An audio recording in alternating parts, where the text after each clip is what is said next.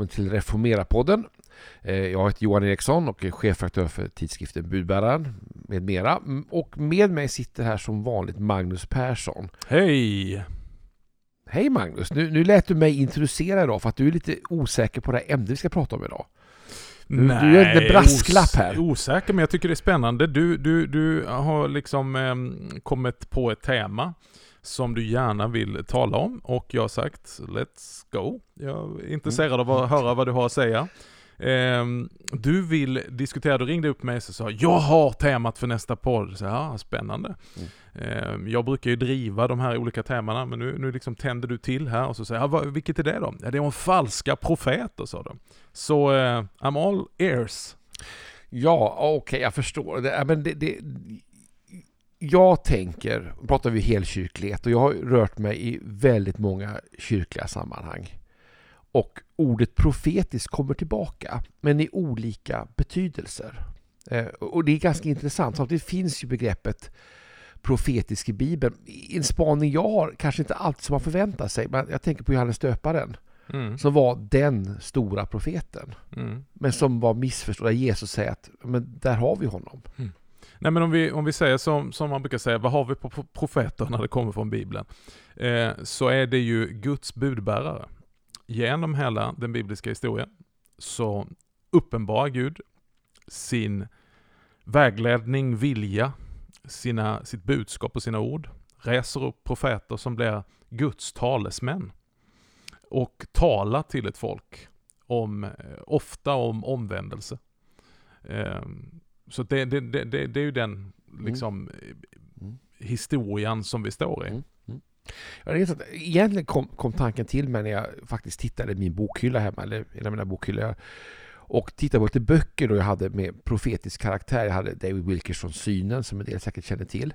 Um, länge sedan. Det kommer också en, en bok från början av 90-talet om de här stora profetiska bönemötena som var i Sverige under början på 90-talet med då stora kända profeter som kom över från USA framför allt. Och det gavs ut böcker och det fanns en väldig driv i vad som skulle hända framåt. Och när jag tittar i de här böckerna så slår mig det att i stort sett ingenting av det här har hänt. Alltså, ingenting. Nej, inte, inte men mycket av... Alltså, jag, jag gör en spaning här. Och det är att mycket av det här stora som politiska, jag har hört kända predikanter göra stora politiska förutsättningar. Du är ju själv pingstvän, du minns kanske på 70-talet alla som pratade om att ryssar skulle komma att ta Sverige. Och jag, vet, jag vet folk som faktiskt byggde bomb, bombskyddsrum i källaren och började eh, preppa långt innan det blev ett begrepp då för att man trodde att ryssar skulle komma och börja samla på sig mat och konserver och Mm. trodde liksom att det här, nu, nu är slutet nära för Sverige. Mm. Och, och, och det var ju också väldigt kända predikanter som faktiskt stod för de här budskapen och, och kan bara konstatera att ryssen kom aldrig.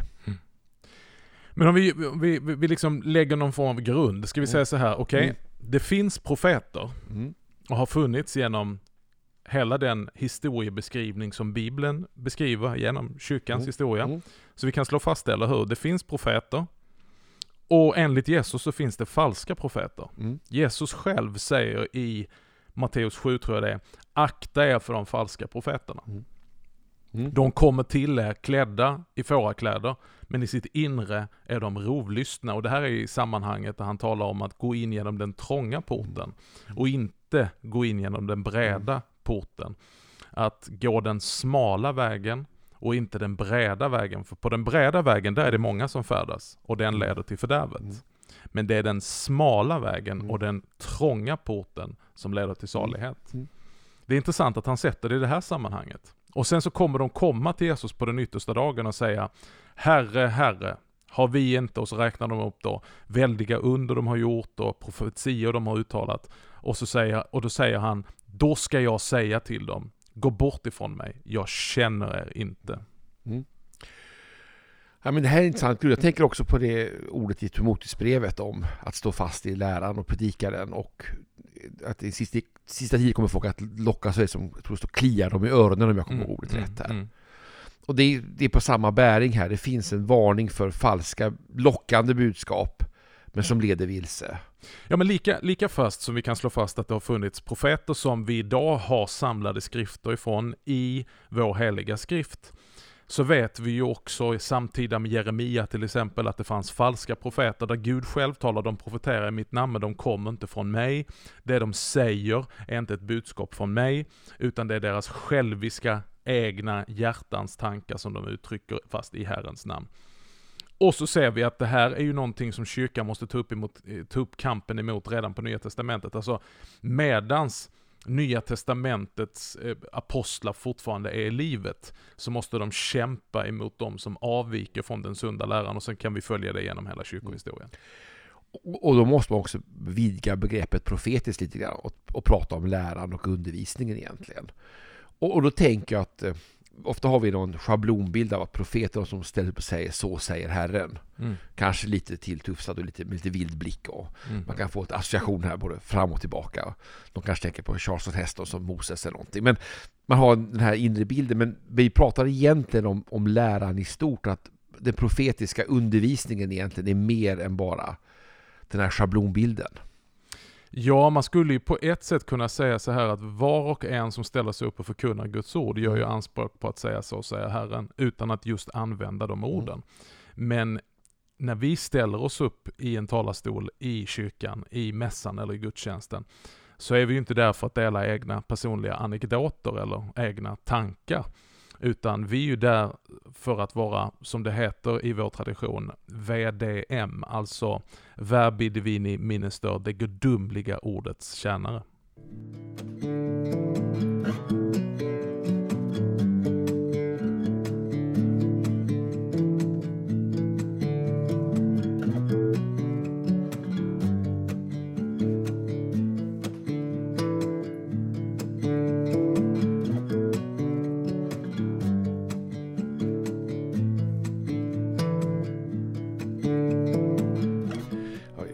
Intressant för, för, för att tänka att det är ett ansvar, att, att predika Guds ord är ett ansvar. Eh, vare sig du säger så, säger Herren, eller du har en vanlig predikan som egentligen underförstått har, har samma budskap, så är, är det ett stort ansvar. Och någonting man måste också ta ansvar för. Jag tänker nu, det som händer i vår samtid, så är det ju i den karismatiska diakristenheten så används begreppet profetiskt ofta också i en politisk kontext. Man mm. gör förutsägelser om om för skeenden som är polit, geopolitiska eller politiska. Ja, och där kan vi ju röra oss in mot det som har triggat dig att nu ta ja. upp ett avsnitt här i mm, Reformera-podden ja. om falska profeter. Berätta, vad är det som har triggat igång dig? Ja, dels är de här böckerna som jag hittar i bokhyllan, som jag återvänder till 30 år, 40 år senare tittar in i då. Bland annat Dave Wilkinson-synen då. Men, men också då att, att, inte minst om man ser det politiska livet i USA så är det väldigt tätt förknippat med evangeliska kristna och inte minst profetier då, där profetier går rakt in och folk, eh, folk menar sig ha profetier som sen då bevisligen inte slår in. Och, och då har jag gjort en spaning att det finns faktiskt de, ganska många, som faktiskt då gör avbön och säger att det här var fel av mig. Jag, jag, jag jumped the gun, jag, jag blev gripen av stundens ingivelse och det här jag sa det var bevisligen inte från Gud. Mm. Och så ber man om förlåtelse. Och jag tänker att det här är intressant. Mm. Medan andra då eh, vidhåller sina budskap men säger att de har korrumperats på olika sätt. Och där tycker jag är lite fascinerande. Mm. Jag drar ju alltid öronen åt mig när någon kallar sig själv profet när man vill liksom på något sätt hämta auktoritet genom att hänga på sig skylten ”Jag är profet och därför ska du lyssna på mig”. I sammanhanget som jag citerar från Matteus 7 så säger Jesus också ”På frukten ska du känna igen trädet”.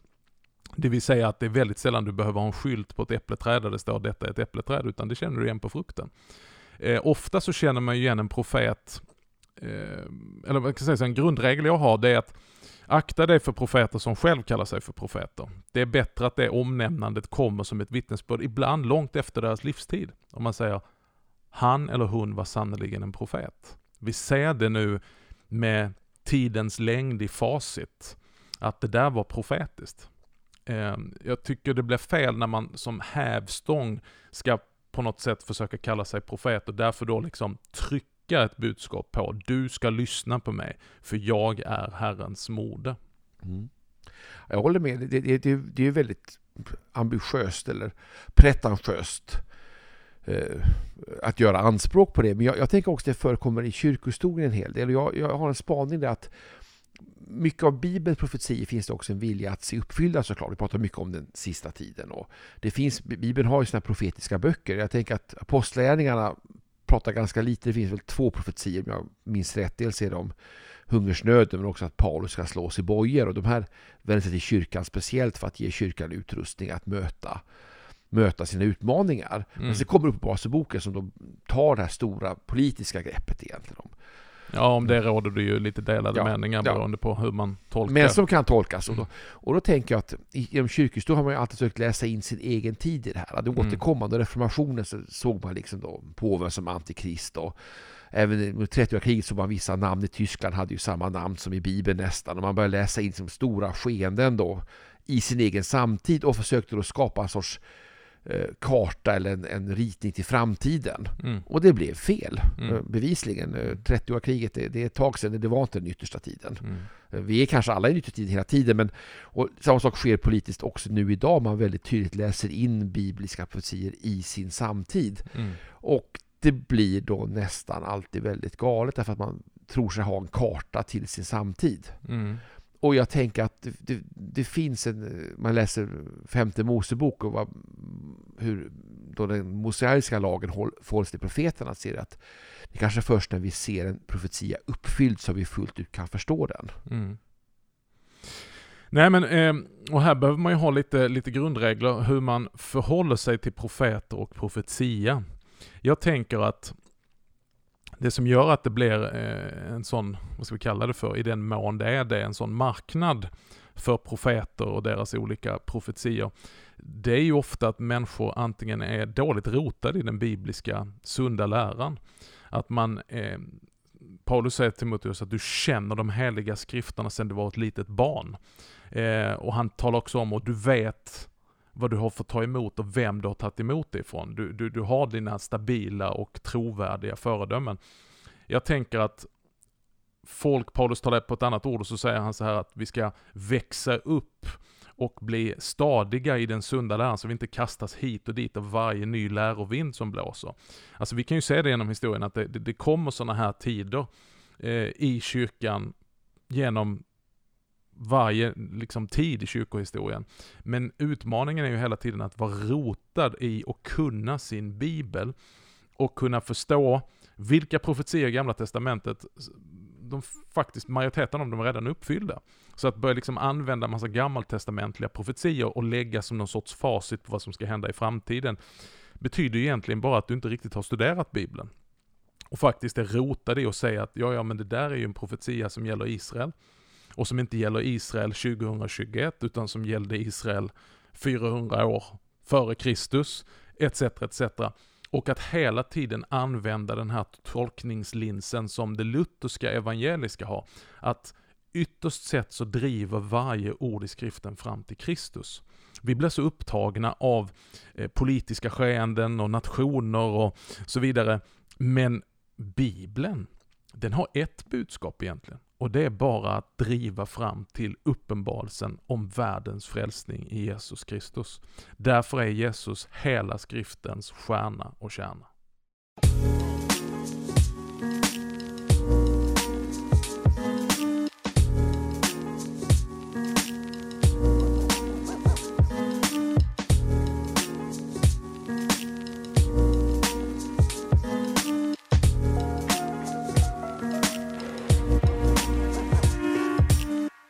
Ja, Magnus, jag håller verkligen med om att skriftens centrum är Jesus Kristus. Men jag tänker också att profetier har ibland dubbla eller, eller till och med trefaldiga uppfyllelser. Man ser på orden om Jesus så fanns det ofta en uppfyllelse i närtid och sen kom en uppfyllelse i evangeliet. Men vissa tror också sträcker sig in i vår tid och att man kan se att vissa ord uppfylls flera gånger. Fast utifrån olika aspekter då. Ja, här kanske man, man då liksom får vara försiktig hur man tillämpar det, för jag menar att hela Guds ord är levande och verksamt. Det är till tröst, det är till vägledning, det är till uppmuntran, det är till förmaning. För mig som enskild individ, så jag kan ju sitta och bläddra i Jesaja och känna att jag på ett personligt plan i min enskilda andakt får ett ord av uppmuntran som styrker mig, som tröstar mig och det kan jag ta emot. Men det är skillnad om jag skulle sen lyfta ut det ordet och säga att nu säger Gud det här. som Gud sa till Jesaja in i en specifik kontext, in i en specifik situation som är historiebetingad. Att nu lyfta över det och säga att nu säger Gud detta om Sverige eller om världen. Mm. Eh, Det är där jag tror att man går för långt ibland. Men det kan ju också vara så att man kan tillämpa ett bibelord på en, en församling, ett större sammanhang, eller till, på sin nation också. På ett principiellt plan, på ett principiellt plan, eh, vi tar en text ifrån i söndags från Jesaja. Eh, han skall inte knäcka ett brutet strå. Mm. Han ska Mm. inte utsläcka en flämtande låga. Nu citerar jag det fel, märkte jag här, men Mm. du känner till. Mm. Det är ju en konkret profetia om Jesus Kristus. Hur han ska vara. Eh, Herrens tjänare handlar det om. Det handlar om Messias som ska komma. Det kan vi ju ta till oss som principer och säga att så ska vi vara som församling. Att i den här församlingen så ska vi inte krossa det knäckta strået, vi ska inte utsläcka den låga som flämtar utan tvärtom. Här finns syresättning från den heliga ande, här, finns, här blir du inte krossad utan här blir du upprättad och så vidare. Om det är så du menar?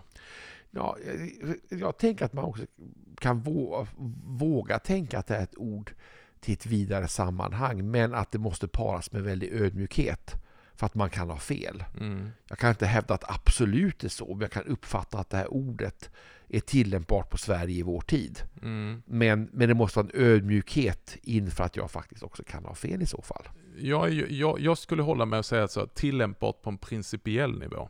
Eh, och det skiljer jag på, på eh, alltså att det blir liksom ett så här profetord, ett dumsord. Det är ungefär som att vi skulle sitta här och ha ett möte.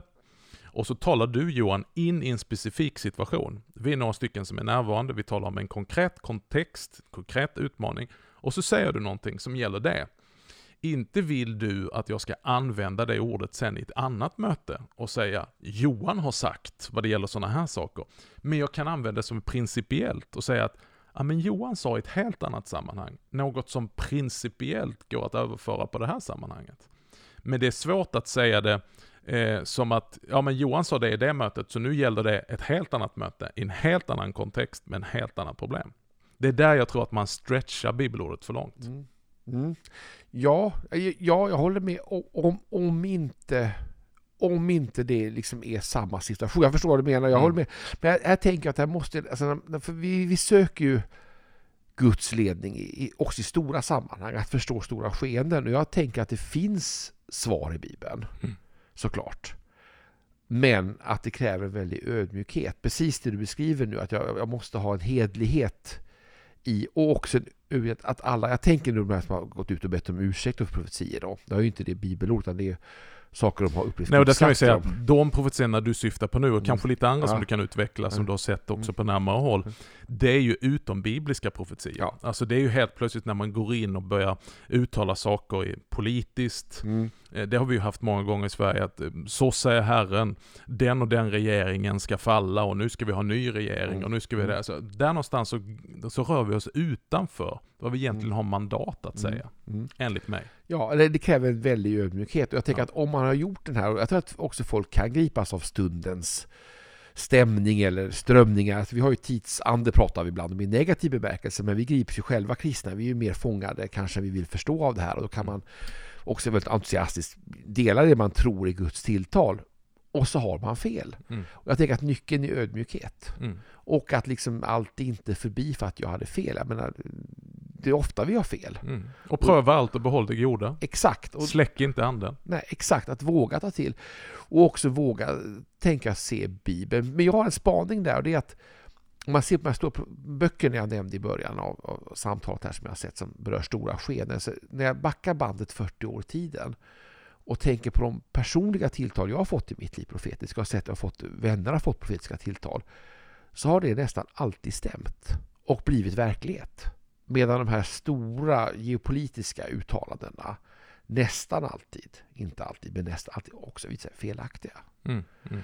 Och, och kan det vara så att, att tilltalen ofta är så att säga, personliga? Det här är tillämpbart Mm. på mig och jag kan förmedla tilltal i den situationen för en person. Mm. Men det är så mycket svårare att ställa sig och säga så säger Herren in i ett politiskt skeende. Jo, ofta eh, har jag den erfarenheten att ett profetiskt ord, eller vad vi nu använder för någon begrepp här, Det är någonting som bekräftar någonting som redan finns i ditt hjärta, som blåser liv i någonting som kanske ligger slumrande. Ofta är det ett ord som kan varna om någonting som jag redan vet, jag är ute på fel Mm. väg och så sänder Gud eh, eh, budbärare för att, för att understryka det, för att rädda mig. För att Gud är barmhärtig, han har omsorg om mig. Och säger Magnus, han lyssnar inte nu. Mm. Eh, och ofta så träffar ju det mig på ett sånt sätt. Ofta är det obekvämt. Mm. Falska profeter eh, kännetecknas ofta att man, man, man, eh, man lovar guld och gröna skogar. En mycket drägligare tillvaro. Oh, det här är den breda vägen, låt oss gå på den. Det här, allt blir fantastiskt.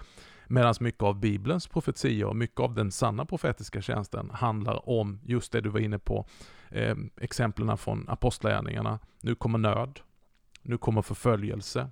Eh, styrk, styrk er, rusta er.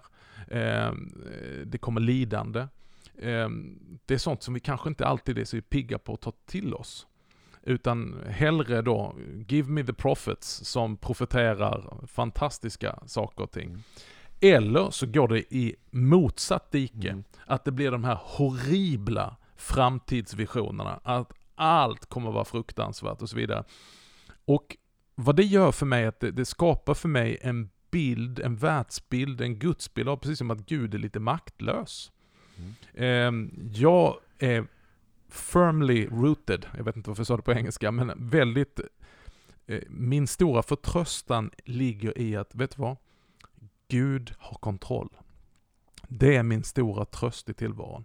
Att likadant det här när det söker Guds ledning. Jag är all, väldigt mycket engelska, all for. Mm. Jag är väldigt mycket för att man söker Guds visdom, söker Guds ledning, umgås med skriften. Men skriften talar till mig på ett principiellt, alltså det är mycket common sense va. Alltså ljug inte, håll dig till sanningen. Gör det rättfärdiga så blir du salig, gör inte det orättfärdiga för då kommer du skada andra och skada dig själv. Alltså det, det är inte så mycket situationsrakt in i min situation så här va. Här ska du svänga höger, här ska du svänga vänster. Precis som att vi liksom helt, Bibeln säger, vi tar våra steg, men det är Gud som leder oss, leder våra steg när vi går. Alltså vi går och vi tänker ut våra tankar, men till slut blir det ändå som Mm. Gud vill. Ibland så målar vi upp det här att vara i Guds vilja, precis som att ja, det nästan är omöjligt. Mm. Man måste lyssna in Gud i varenda liten millimeter och oh, ska jag göra det här, ska jag få göra så här och så vidare. Och så, och så är det på ett plan så att det blir nästan, inte till hjälp, utan Mm. tvärtom till, det stjälper oss. Mm. Jag kan skapa en del ångest faktiskt att leva den här Neurotiska Mm. kristna Mm. blir det. Mm. Men jag, jag tänker att man har levt och rört sig länge med här. Jag har fått en del så här grundprinciper. Är att jag tänker att om Gud talar till mig och, och jag, ofta som du säger så kan det vara saker som är jobbiga att höra eller som kanske man inte vill. Det handlar mycket om tror jag, förmaning och uppenbar sånt som i mitt hjärta som behöver komma rätt. Och då tänker jag att Gud också i sin nåd kan upprepa det budskapet. Mm. Så, att, liksom, så att jag har haft princip att, att, att om Gud säger någonting, man- du tycker profetiskt och det kommer från andra, då vill jag gärna se det bekräftat Mm. av flera tilltal. Kanske också som du säger, hjärta, mitt eget hjärta säger sitt amen till det här. Men Mm. kanske också andra bröder och systrar kommer med liknande budskap eller liknande bibelord eller på andra sätt når mig. Och så att Gud som, han får in sin poäng. Va? Och, ofta, Mm. och då står man ibland där faktiskt exponerad. Men också då för hans kärlek. Att Guds vilja, det är evangelium. Det är, det är min frälsning och min Mm. uppbyggelse. Och då, då finns det något som står emot det här tycker jag, neurotiska som finns där som Mm. en motpol. Att det är att Gud är kärlek, han vill mitt bästa. Han har fridens tankar och inte ofärdens. Till att ge oss en framtid ett hopp. Det finns en vilja att, att föra oss vidare. Och då tycker jag att man lär sig faktiskt känna igen Guds ton eller Guds röst i det här. Och det är det jag tror att, ehm, så, då kan ju de som lyssnar nu säga, men eh, är ni emot det här med det profetiska talet? Mm. Absolut inte. Jag tycker att vi behöver mer av det. Jag tänker på de tillfällena och vad vi behöver mer av. Det är när man har suttit under en förkunnelse. Där man bara känner, det här träffar mig. Det här är levande. Vissa, vissa skulle säga så här, ah, men det är relevant. Men ett bättre ord är att säga att det här var profetiskt. På det viset att det, det var ett nu-ord. Mm. Att helt plötsligt så, det är förankrat i skriften, det stämmer överens med teologin, men det blev förmedlat på ett sånt sätt att det faktiskt har betydelse för mig här och nu. Jag känner mig träffad, jag känner mig utmanad eller uppmuntrad, uppbyggd, att det här var ett ord ifrån Gud till mig i rätt tid. Men predikanten kanske inte stod där framme i talarstolen, prästen eller vem det nu var du lyssnade med och sa jag har ett ord till, till någon här inne och du finns här och så vidare. Utan, utan det blir liksom bara i, i förkunnelsen så använder den heliga ande ordet på det viset så att jag bara känner, oh, jag är upprymd eller jag längtar efter att ta tag i det här nu för att Gud talade till mig. Det behöver vi mer av. Mm. Amen. men, tänker jag att eh, ordet då profetiskt används då politiskt i olika aspekter. Vi pratar om profetisk diakoni ofta med hänvisning till en väldigt politiserad syn på det. Och det kan ju vara profetiskt också, men då, då har vi återigen den här politiseringen av det profetiska, eller begreppet profetisk. Jag, jag, jag, jag tror att nyckeln till det profetiska också är mycket av det personliga faktiskt. Mm. Och då menar du det personliga? I Guds tilltal till mig. Mm. Jag tror också mm. man ibland ja, men, helt enkelt kanske manar att ringa en vän och säga ett mm. uppmuntrande ord. Det kan, det kan mycket väl vara en profetisk handling. Mm någonting som någon behöver höra. Mm. Jag tänker också mm. att det man kanske lägger, jag, jag vet inte nu, nu, nu, nu, nu spanar jag, men det man lägger i sådana uttryck som profetisk diakoni eller profetiska handlingar, det är ju att man, man gör någonting som, som inte är kännetecknande för den här tidsandan, mm. som är typiskt för vårt samhälle, utan som gestaltar ett annat rike. Mm. Att man, man kommer från ett annorlunda rike och man gör man gör någonting som, som, som manifesterar och gestaltar mm. det riket. Och det kan man kalla, det är en profetisk ja. diakoni eller profetisk... Och, och där tror jag vi måste också vara frimodiga att våga känna oss ledda av Gud. Mm. Och göra saker som kanske går utanför ramen. Mm. En del kallar det för en profetisk handling, men mm. det kanske har ett stort symbolvärde, eller har ett starkt tilltal. Så jag tror att det finns också ett behov av att, att, att våga. Mm. mm. Och sen tänker jag också ibland så, så är det bara så här att vi blir rastlösa. Vi blir mm. trötta på det här vardagliga livet med Jesus, att ta upp vår bibel, att umgås med, med Gud i bön. Utan det känns, kan kännas lite lyx, lyxigare att få ett ord av en profet och att gå för förbön och att söka sånt som kittlar öronen, som du var inne på i mm. Timoteus brev. Mm. Och Paulus medicin emot det är det att han uppmanar Timoteus inför Gud som ska döma levande och döda. Stå upp i tid och i otid, säger han. Mm. Alltså det finns, en, mm. Det finns ett läge då det inte är jättesäljande att tala Guds ord sanning och förkunna just Guds ord, att utlägg skriften. För det kommer en tid, och vi lever sannerligen i den tiden, där folk inte står ut med den sunda läran, Nej. utan de hämtar sig själva egna lärare som säger saker som kittlar deras fantasi och som känner, ja men det här var spännande. Medan det här kan låta helt fel och jag kanske får lägga ut det här i en annan podd sen med risk för att bli kritiserad. Men ibland så är livet med Jesus extremt ordinary. Det vill säga att det handlar om att faktiskt följa Jesus Kristus i det vanliga. Att inte hela tiden söka efter det sensationella och det extraordinära, blixtar och dunder, tecken och under. Utan att, jag har också tänkt på det här, det är så, det är så lätt att vi vill, jag är, tror på och verkligen ber att vi ska få se mer av Guds kraft och att människor som är sjuka ska bli botade. Men varför ska det alltid ske på så spektakulära sätt? Min utmaning skulle vara, hur ofta praktiserar vi detta i vår vardag? Där vi möter nära och kära, vänner, när vi stannar till vid någon som, som, som uppenbart lider, där vi kan visa vår omsorg, eh, vårt medlidande, där vi kan erbjuda praktisk hjälp, men där vi också kan erbjuda förbön. Mycket av livet med Jesus handlar faktiskt om att våga följa honom i det lilla, det enkla, det vardagliga och ibland väldigt odramatiska. Amen. Jag tror att du har nyckel där, men jag måste få avsluta med ett ord. Och du som är mer bibelsprängd än mig, förakta inte profetiska ordet utan pröva allt. Var, mm. var står det någonstans? Thessalonikerbrevet. Mm. Mm. Är inte det en, en, alltså mitt i allt detta? Jo, absolut. Det är, en, det är en vägledning. Låt oss inte förakta några profetier. Pröva allt, behåll det goda, släck inte anden. Det är väl ett bra avslut på det här avsnittet. Mm. Ja, verkligen. Ett intressant samtal, men också ett svårt samtal, Magnus. Det är ett svårt och det, det, det märker säkert våra lyssnare också att vi går lite så här försiktigt fram. Eh, som sagt, vi tror på helkyrklighet. Eh, I det, när vi tittar på kyrkohistorien, så vet vi att Gud har rest upp profeter när kyrkan är på dekis. För det är kyrkan som är satt, kyrkans biskopar, kyrkans ledare som är satt att vaka över mm. den sunda läran och faktiskt bedöma det som är innanför och det som är utanför, mm. det som är rätt och det som är sant och det som är falskt. Men vad händer då med en kyrka mm. på dekis? Mm. När det är kyrkan själv som faktiskt börjar bli falska profeter. Det är då Gud reser upp ökenfäder. Det är då Gud mm. reser upp profeter. Det är då de här Johannes döparen personligheterna faktiskt börjar ropa in i kyrkan från sidan och säga omvänd er. Och börjar avslöja vi har sådana som jag skulle vilja kalla profetgestalter även i vår tid. Väldigt få av dem kallar sig profeter, men vi kan säga om dem. Det här är en profetröst ifrån öken som eh, faktiskt med oerhörd pricksäkerhet och relevans träffar någonting som går rakt in i själva kyrkans hjärta och som vi alla kan säga, mm, här finns någonting. Det är dags att vända om.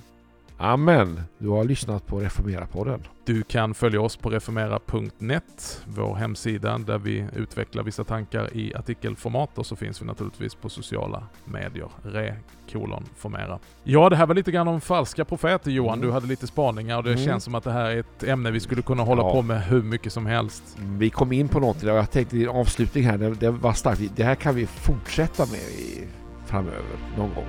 Absolut. Tack ska du ha för idag Johan. Tack, tack för att ni har lyssnat. Vi önskar er Guds rika välsignelse.